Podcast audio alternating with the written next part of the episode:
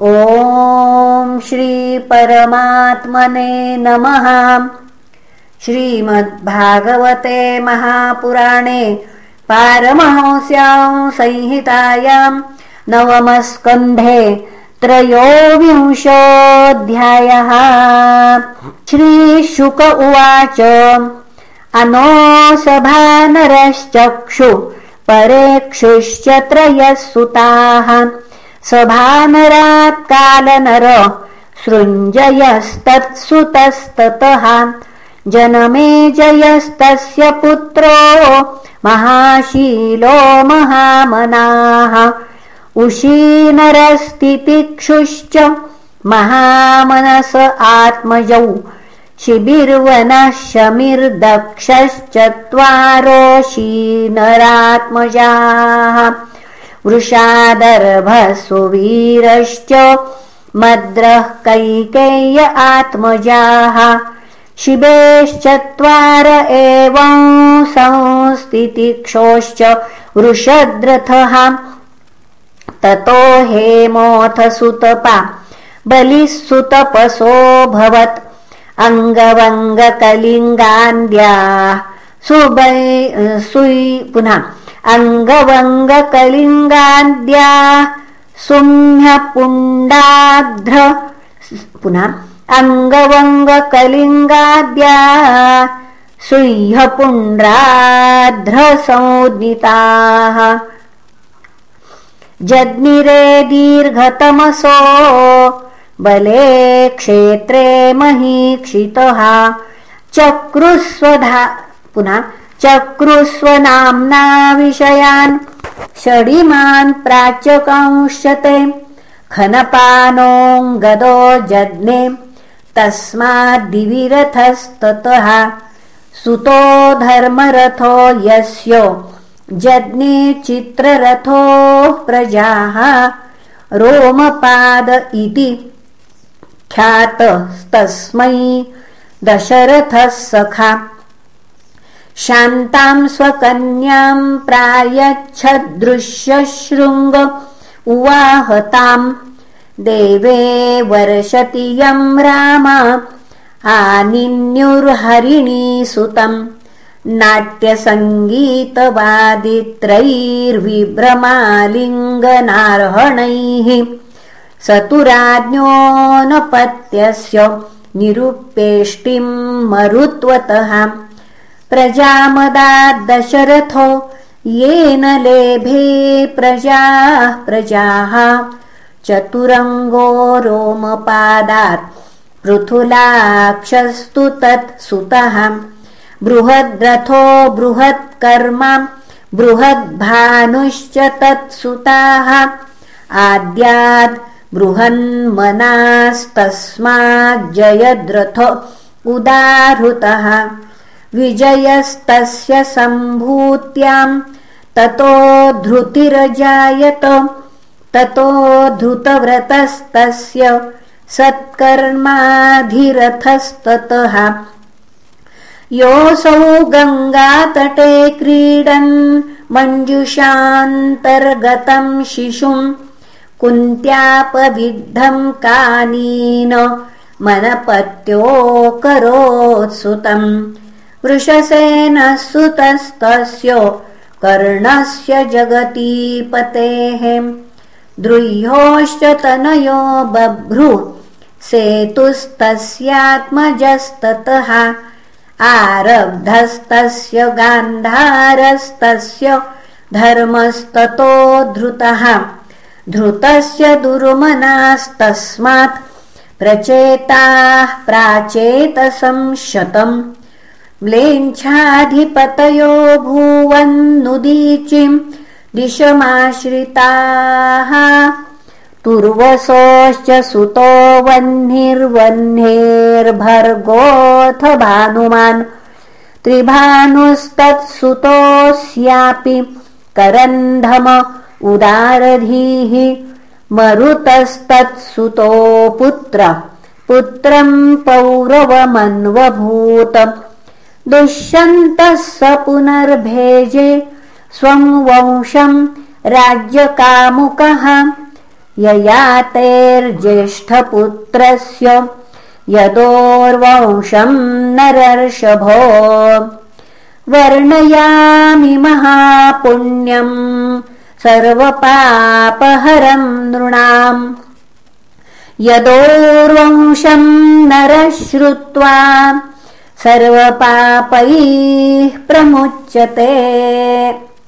यत्रावतीर्णो भगवान् परमात्मा नराकृतिः यदो सहस्रजित्क्रोष्टा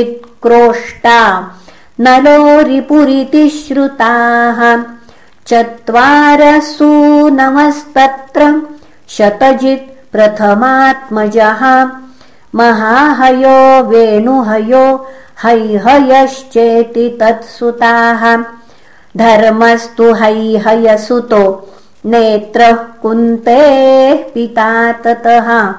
सोऽहञ्जिरभवत्कुन्तेर्महिष्मान् भद्रसेनकहाम् दुर्मदो भद्रसेनस्य धनकः कृतवीर्यसूः। कृताग्निः कृतवर्मा च कृतौजाधनकात्मजाः अर्जुनः कृतवीर्यस्य सप्तद्वीपेश्वरोऽभवत् दत्तात्रेयाद्धरेरंशात् प्राप्तयोगमहागुणः। न नूनम् कार्तवीर्यस्य गतिम् यास्यन्ति पार्थिवाः। यज्ञदानतपोयोग श्रुतवीर्यजयादिभिः पञ्चाशीतिसहस्राणि ह्यव्याहतबलः समाः अनष्टवित्तस्मरणो बुभुजे क्षय्यषड्वसु तस्य पुत्रसहस्रेषु पञ्चैर्वो वरितामृधे जयध्वजः शूरसेनो ववृषो मधुरुर्चितः। जयध्वजात्तालजङ्घस्तस्य पुत्रशतम् त्वभूत् क्षत्रम् यत्तालजङ्घाख्यो मौर्वतेजोपसंहृतम् तेषाम् ज्येष्ठो वितिर्होत्रो वृष्णिः पुत्रो मधो स्मृतः तस्य पुत्रशतम् त्वासीत्। वृष्णिज्येष्ठम् यतः कुलम्। माधवा वृष्णयो राजन्। यादवाश्चेति सौनिताः। यदुपुत्रस्य चक्रोष्ठो। पुत्रो वृजिनवांस्ततः ऋषे कुर्वै। तस्य चित्ररथस्ततः शशबिन्दुर्महायोगी। महाभोजो महानभूत्। चतुर्दशमहारत्नश्चक्रवर्त्यपराजितः तस्य पत्नी सहस्राणाम् दशानाम् सुमहायशाः। दशलक्षसहस्राणि पुत्राणाम् तास्वजीजनत्। तेषाम् तु षट्प्रधानानाम् पृथुश्रवज पुनः पृथुश्रवस आत्मजः। धर्मो नामोशना तस्य हयमेधशतस्य याट् तत्सुतो रुचकस्तस्य पञ्चासन्नात्मजाः शृणु। पुरुजिद्रुक्मरुक्मेषु पृथुज्यामघ सौनिताः जामघस्त्वत्प्रजोपत्न्याम् भार्याम् शैव्यापतिर्भयात्। नाविन्दन् शत्रुभवनाद् रथस्थाम् ताम् निरीक्षाहो शैव्या कुहकमत्स्थानम् रथमारोपितेति वै स्नुषा तवेत्यभिहिते स्मयन्ति पतिमब्रवीत। अहं वन्ध्या सपत्नी च स्नुषामे युज्यते कथम्। जनयिष्यसि यं राज्ञि तस्येयमुपयुज्यते अन्वमोदन्त तद्विश्वे देवा पितर एव च। शैव्या गर्भमधात् काले कुमारं शुशुवे शुभम्।